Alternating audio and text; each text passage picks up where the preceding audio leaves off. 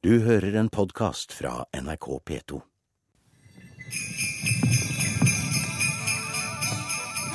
Ja, dette er lyden av ekte dombjeller, snø, nordlys, reinsdyr, julenissen. Og alt det som et ekte gammeldags julehefte skal inneholde. Og så må vi jo tenne i peisen. Og siden dette er et gammeldags program, så må vi ha litt Doris Day og en gammel svart-hvitt film, kanskje. Men nei, det er ikke sånn juleheftet fra museum skal være i år. Isteden blir det et eh, ekte nisseskjelett. Antageligvis verdens eneste fra Universitetsmuseet i Bergen. Og het til slutt en hardpakke, nemlig et stykke av Norges fjellgrunn som 1814-kongen Christian Fredrik knuget i sin hånd som det aller siste han gjorde på norsk jord. Og det blir også noen andre små klipp fra museums julehyller. Men eh, først en konkurranse. Og premien er en flott DAB pluss-radio i gammel engelsk reiseradiostil. Spørsmålet har med runer å gjøre.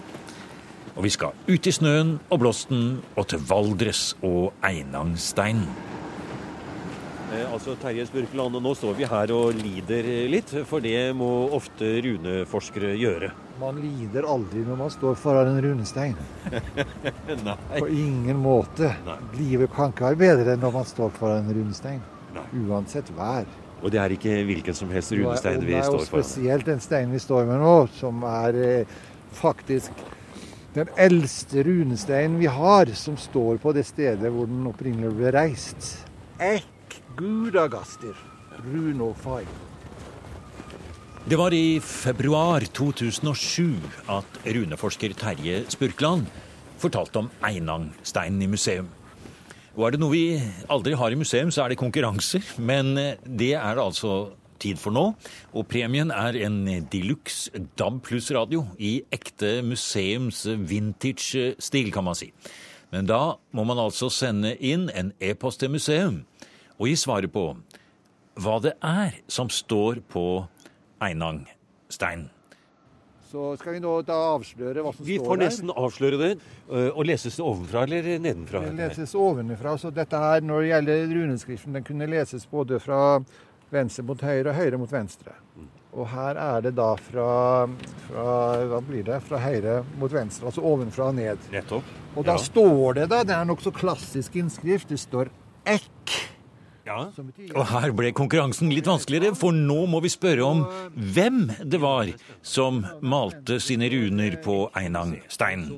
Vi skal altså ha navnet på en runerister som svar på oppgaven. Og eh, Runo forsto vi jo med en gang. ja, runo betyr runeinnskriften. Ja. Og fahido, det er verbet. Ja.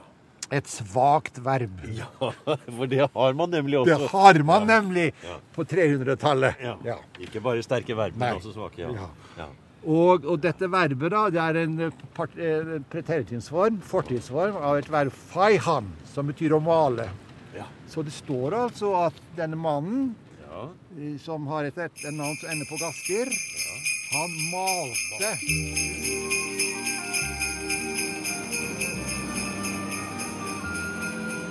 Hvem var det altså som malte runer på Einangsteinen i Valdres? Du kan vinne en DAB pluss-radio hvis du sender svaret til museum krøllalfa nrk.no. Og har du tips til museum, f.eks. om steder vi bør besøke i 2015, eller personer vi bør snakke med, eller om du har andre gode forslag, så tar vi gjerne imot det også. Men nå til en slags tradisjon i museums julemagasin. Vi skal til Universitetsmuseet i Bergen og høre reportasjen om nisseskjelettet, som man tar fram der en sjelden gang ved juletider. Vi tar sjansen, under tvil, på å sende dette, siden det har forekommet at sinte lyttere har kritisert både museum og seriøse forskere for å fare med tøys. Vi skynder oss derfor med å anbefale kritiske lyttere å bestille årboken til Universitetsmuseet i Bergen. Der er det kvalitet av et helt annet slag enn det vi nå skal få høre. Programmet er fra 2003, og vi går opp bakkene til det flotte, nyrestaurerte bygget på Museumplass 1 i Bergen. Det beste er å komme i mørket og bli møtt av det enorme blåhvalskjelettet som svever i et dypt, isblått, lyssatt hav bak vinduene i annen etasje. Men vi begynner i kjelleren. Der finner vi osteolog Anne Karin Hufthammer og ingeniør Gunnar Langhelle. De er etter stengetid, og vi finner veien opp i resepsjonen. Mahogni, marmor, søyler høyt under taket og gamle oljemalerier. Pluss en flott monter som tas fram ved juletider. Vi legger in situ, som det heter. In situ, og vi har da alle sakene, som vi har til og med bleikt. Det her var flott. Ja, den er jo fantastisk. Det er Norges eneste nisseskjelett, og kanskje også verdens eneste nisseskjelett. Iallfall er det det eneste gamle nisseskjelettet. Og det, Hvis vi skulle beskrive hva, hva vi ser her Ja, det her ligger jo da, Denne nissen ligger jo i den posisjonen som ble funnet oppe i Fana utenfor Bergen. Og det ligger delvis nede i denne jordklumpen. Vi har, ikke, vi har valgt å ikke grave den videre ut. Vi er redd for at den ikke tåler så mye. Ja, for, for den er jo ikke så stor her. og Så vidt jeg kan se her, så er det også spor etter faktisk eh, en, noe som kan være en spiss eh, lue der også. Ja, det stemmer. Denne huen eh, er faktisk laget av en, en, en filt. Og vi har også tatt prøver av denne og vasket ut. Hvis du ser der nede, så Ja. viser det seg at når man får av denne, disse jordfargene, så kommer den opprinnelige røde, røde fargetonen frem. Ja. Og den viser jo da at, Ja, at, at nissen har, har hatt rød lue i uminnelige tider. Helt fantastisk. Og hvis vi ser her Hvis vi skulle nå eh, si det litt sånn vitenskapelig her når det gjelder størrelse og beskrivelse av funnet her, Huftammer. Ja, den er ja, ca. 15 cm lang. Og det er jo en, helt klart en primat. Så det ser vi både på tennene og på kraniet. Og når vi fant den, så lurte vi jo litt på hva dette her kunne være. Men ved å ta litt fantasi i bruk, og ikke minst da gå til en del av litteraturen, så kom vi ganske fort fram til at det, var ikke mye mer å velge i enn en nissa. Ja. Og her, den, Denne har jo også faktisk fått et eget innføringsfunnummer innføringsfunnnummer her i Bergen eh, museum. Ja, vi har lagt han ligger i journalen vår som eh, strøfunn nummer 318, tror jeg det er. Og det er jo også en hel del av disse undersøkelsene dere har gjort her eh, rundt selve funnet og det som eh, er muligens da skjelettet.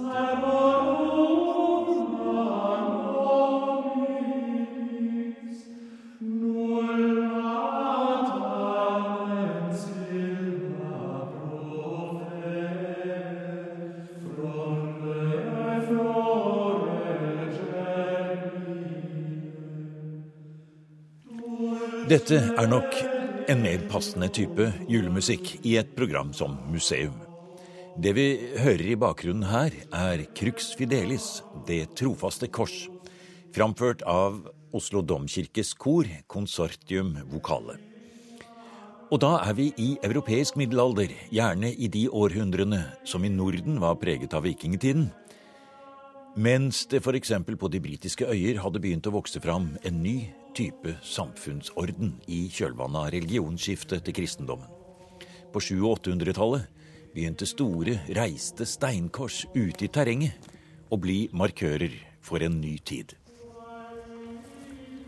Her står vi på toppen av eh, en av de store heiene, hedene, The Moors i Yorkshire. Og midt i dette synsfeltet så står et av de mange korsene som befinner seg her inne i dette landskapet.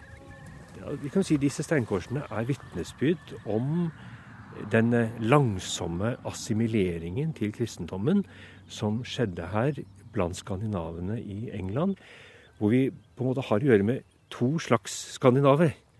Vi har skandinaver som assimileres til en kristen kultur, og vi har noen som kommer hit for å drive ran her. Man kunne, man kunne være fristet til å si at eh, det, det som skandinavene gjør når de kommer hit og bosetter seg her. De melder seg inn i Europa.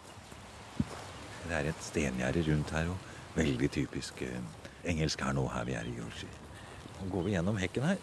Her ser vi altså på et eh, steinkors som er fra den perioden hvor området her var eh, bosatt av eh, vikinger. Det er jo underlig forhold altså at vi, vi har jo ingen skriftlige kilder som forteller oss noe om hvordan disse skandinaviske innvandrerne gikk over til kristendommen. Og da blir jo da disse steinkorsene som vi ser i terrenget her, blir jo på en måte da de kildene vi har. En av de kildene vi har som forteller om denne, om denne overgangen.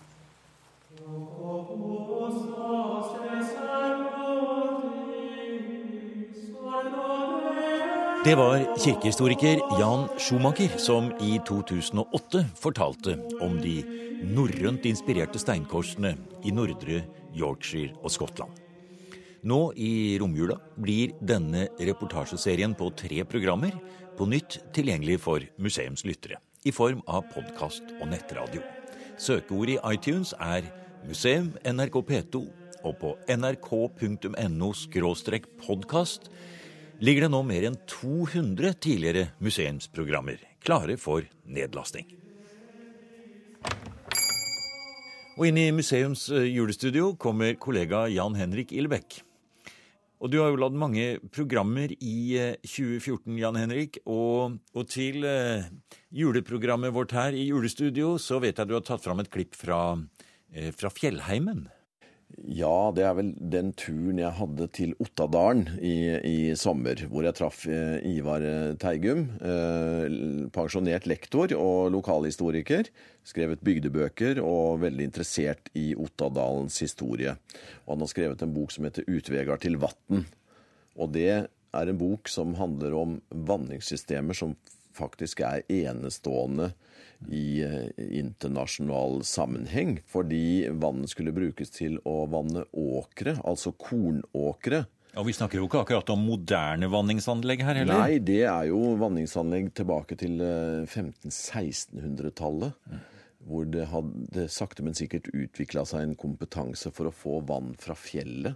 Det her er vi jo i nærheten av eh, isbreer og vårt største fjellmassiv. Eh, Jotunheimen og Breheimen, så det, det er ikke mangel på vann. Men akkurat på denne siden, østsiden av fjellene, så er det lite nedbør. Dermed så trengte bøndene vann fra fjellet kunstig.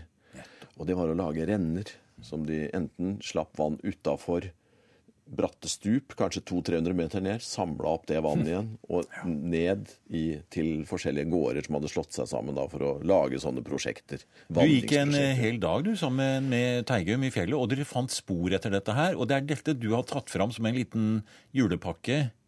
Ja, ja. Da skal vi få høre, for når vannet kommer ned fra fjellet, så skal det jo ut på åkeren. Ja. Og da er det mye kunnskap som skal til, for jorda er, eh, jordsmonnet er forskjellig, og du kan ikke bare slippe vann ut på et eh, jorde. Den kan fort erodere, og jorda kan renne bort osv. De hadde både redskaper og systemer for å håndtere det, da. Veldig fascinerende. Her står jo en moderne spreder, da. Jajamän. Kobla til en slange. Ja, det er- det er vanlig, da. Det var jo et veldig fremskritt, da. Ja, du store min. Men du vet, denne gamle vatningsmåten var så arbeidskrevende. Med enten de måtte skvette eller de måtte styre vannet over eh, åkrene, så, så var det så arbeidskrevende at når, eh, når det ble eh, knapt med arbeidskraft utover mot slutten på 1800-tallet på grunn av, så hadde de rett og slett ikke råd til å holde det ved like. Nei. Og da kom, da kom den nye teknikken som ei redning, da, vet du. Det gjorde det. Ja, fordi eh, det er jo ikke bare å få eh, vannet fram til stedet. Det skal jo ut på åkeren og hvete Det skal det. åkeren. Ja, det skal det. Det er jo et, eh, et sånn tittelord i, i boka di. Hvis ikke Vår Herre vil vete våre åkre, så får vi gjøre det sjøl. Ja, det, Fritt oversatt. Ja, men det er omtrent akkurat det, slik det er. Og, og, det, og det gjorde de, og da var det Enten så måtte det stå et, noen karer og, og skvette da med, med redskap. Skvette utover åkeren. Ja. Og i lende der det ikke gikk an å gjøre på andre måter. Og alternativet det var da å lage et, eh, et uh, rutemønster i åkeren som eh, du hadde ei, du hadde ei, ei renne nedover åkeren, og så porsjonerte du ut at diagonale veier til at både sider. Ja, forgreininger ut. Forgreininger. Ja. Og, eh, og Men måtte man skvette da manuelt? Nei, da hadde de eh, da hadde de denne redskapen som, som blir kalt ei shetlereko. Og den Det må du ta en gang til. Ei. Ei shetlereko. Ja. Og, og, og det var en, eh, rett og slett en, eh, en spade som, eh, som de brukte til å så- så styre vannet med.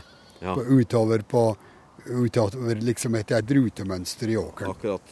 Det som er spesielt med vatningen fra, tid, fra gammel tid her i distriktet sammenligna med andre plasser i verden, det er jo det at, eh, at her var det byggeåkrene som skulle vatnes. Eh, kommer du andre plasser, så er det eng da som skal vatnes. Og, eh, og i Østen er det jo risen som skal vatnes. Men her var det byggeåkeren som skulle vatnes. Og det utvikla de jo til mesterskap, da, for det var jo De hadde jo I gode år så hadde de jo stor eh, utførsel av byggkorn og mjøl herifra eh, Ottadalet og utover eh, flatbygden og helt til Røros. Sier du det? ja, det hadde de på, utover på 1700-1800-tallet.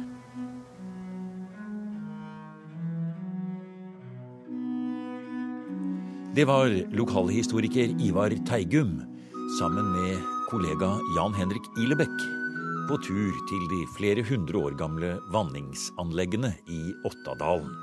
Utvegar til vatn heter boken til Teigum. I dette litt eh, annerledes museumsprogrammet, som er et slags julehefte med små fortellinger og til og med en konkurranse, har vi nå kommet til siste pakke. Før vi åpner den, skal vi bare minne om at ved å skrive inn til museum, postboks 33 1629 Gamle Fredrikstad, eller sende e-brev til museum.krøllalfa.nrk.no, kan du være med i trekningen av en flott DAB pluss-radio i retrodesign. I konkurransen spurte vi etter navnet på den personen som malte runer på Einangstein. Og også e-brev med gode tips og ideer til nye museumsprogrammer blir med i trekningen. Men nå til siste historie i museums julemagasin. Det skal handle om Christian Fredrik, som gråtende måtte forlate Norge i oktober 1814. Noe som absolutt ikke gikk etter planen. Den avsatte kongen ble liggende og drive fram og tilbake utenfor Moss før han søkte ly i all hemmelighet i Stavern. Og der skjedde det noe som nå er på museum på Fredriksborg slott i Hillerød utenfor København. Dette er altså 8. oktoberbord som vi ser her. Men det sies jo at dette, dette som denne talen her på fransk, den greide han jo ikke å holde der ute på Bygdøy. Han begynte å gråte og greide det ikke å holde den talen. Nei, han bare ga det videre og sa det. Han var så bevegelig? Ja, det var, det var, det var tunge, tunge stunder, og helt klart det påvirket følelser for både han og de som skulle takke ham også. Det var jo Nils Treskov, professor. Han, han kom jo i den samme situasjonen. Så det var jo Han skulle egentlig ha holdt en lang tale, men måtte gi den over til biskop Beck, som tross alt som biskop var mer vant til å tale i begravelser og andre sørgelige sammenhenger. Så det var vel sett i en slik Det var i forbindelse med et program om danskenes flotte utstilling om spill om Danmark og Norge at historiker Bård Frydenlund og direktør Mette Skaugård fortalte om den mer enn 400 år lange unionsperioden mellom Norge og Danmark. Naturlig nok er det en stor avdeling om 17. mai-kongen Christian Fredrik, som etter at han ble avsatt som norsk konge og kalt tilbake til Danmark, måtte finne seg i å holde seg langt i bakgrunnen før han etter mange år faktisk eh, ble Danmarks siste enevoldskonge. Men akkurat nå gjelder det tiden like etter at Christian Fredrik ble avsatt i Norge. Han har spillet hasard, Ja. også med, med Danmarks skjebne, kan man si. Ja. Og øh, blir så anbragt som guvernør mm. i Odense. Nettopp. Det er måske ikke det mest prestigefyldte. øh, og så øh, fik han jo, han havde en stor interesse for kunst og kultur. Og med sin dronning, der rejser han så på et udenlandsophold, hvor han er væk i flere år. Og han er meget længe i Italien. Og det fik så betydning for den norske kunstner I.C. Dahl, ja. som han jo var meget opptatt av, og som han støttet på alle måter. Og det henger et han- stort Isedal-bilde her. Øh, På utstillingen ved det danske nasjonalhistoriske museum viser Mette Skaugård fram en mengde av de gjenstandene Christian Fredrik samlet inn da han var på sitt mange år lange opphold i Italia. Hvor han altså traff norske kunstnere og ganske særlig oppmuntret den nasjonalromantiske maleren I.C. Idealene i datidens dannelse var å være levende opptatt av den gryende naturvitenskapen, og gjerne lage seg samlinger av oldsaker, utstoppede dyr og geologiske prøver av alle slag. Og Christian Fredrik hadde både tid og midler til å lage en stor samling av denne typen, som han senere donerte til Københavns museer. Apropos ta med seg noe hjem her, Skagård. Det sies at man en gang fant en knippe små steiner i en skuff på Amalienborg på Slottet når man ryddet opp etter Christian Fredrik da han hadde blitt konge. Og at dette skulle være de samme steiner fra de norske fjell som han hadde tatt med seg fra Stavern da skipet ut fra Norge måtte ha landligge pga. vær og vindstille. Så gikk han i land og hentet noen steiner og tok vare på. Stemmer det? Jeg er så glad for, at du spør om det, for nå skal jeg vise dig de sten. Har du de? Åh, det er som en eh, legende. Fordi han var en stor samler. Åh, oh. Og hans... Nei. Her har vi flere af prospekter, han kjøpte øh, fra Rom. Men han samlet antikker. Han samlede mynter, Og han samlede mineraler. Og det er to det var- store glasskap er her som vi står og ser på her nå. øh, kabinetter. De er fra hans egne altså, øh, øh, gemakker, og det er dem, han oppbevarer sine samlinger. Og han begyndte å samle mineraler allerede som barn. At de ansporet ham til å samle, fordi det var en måte å bli dannet på og kunne færdes i øh, alle miljøer i Europa. Og den, ligesom øh, antikkerne, de findes i dag Ja, i antiksamlingen på Nationalmuseet. Hans er malerier de finnes på Statens museum for kunst. Da Christian Fredrik gråtende ble leid ned til stranden på Bygdøy av stortingsdelegasjonen den 8. oktober 1814, gikk han om bord i en mindre båt rodd av norske marinegaster. Det var komplett vindstille, og den årlogsbriggen som skulle seile til København med den avsatte kongen, lå for anker ved Jeløy og ventet der, omtrent rett utenfor Moss og den berømte konvensjonsgården. Da robåten med Christian Fredrik kom fram til årlogsbriggen Alart ved Jeløya, var det ikke et vindpust, og Christian Fredrik søkte tilflukt under dekk og håpet på nordavind. I to døgn lå de slik for anker, før det blåste opp. Og da blåste det til gjengjeld så sterkt at innen de var kommet til Færder, måtte de snu og søke nødhavn. Briggen Alart la kursen inn til årlogsbasen Fredriksvern i Stavern, og der ble de liggende værfast i 13 dager.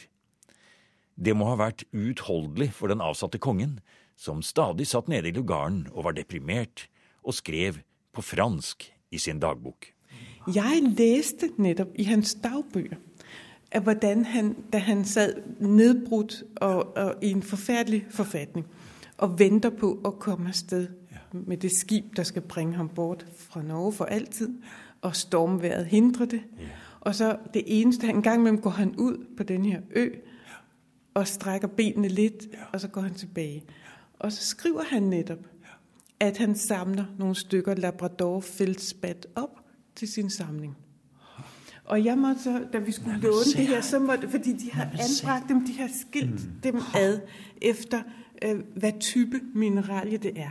Sådan at man skal i, altså kvarts, det ligger et sted, så skal du igennem alle kvarts øh, øh, samlingerne, for at finde ud af, hvilken nogen, der var Christian Frederiks. Labrador Felsbad, der skulle vi igennem hele samlingen af Labrador-feldspat. Og så kan vi jo identificere hans på grund af, I kan se, der er mærker øh, på dem, og så er der sådan en lille markat på, og de ligger jo i små æsker. Ja. Dem har vi så taget dem ud af, for Ja. ellers kan man ikke se dem. Og så fandt jeg den, og jeg var, da jeg havde den i hånden, så vidste jeg, det er den. Fordi den har lige, den, den er lige passende til en hånd.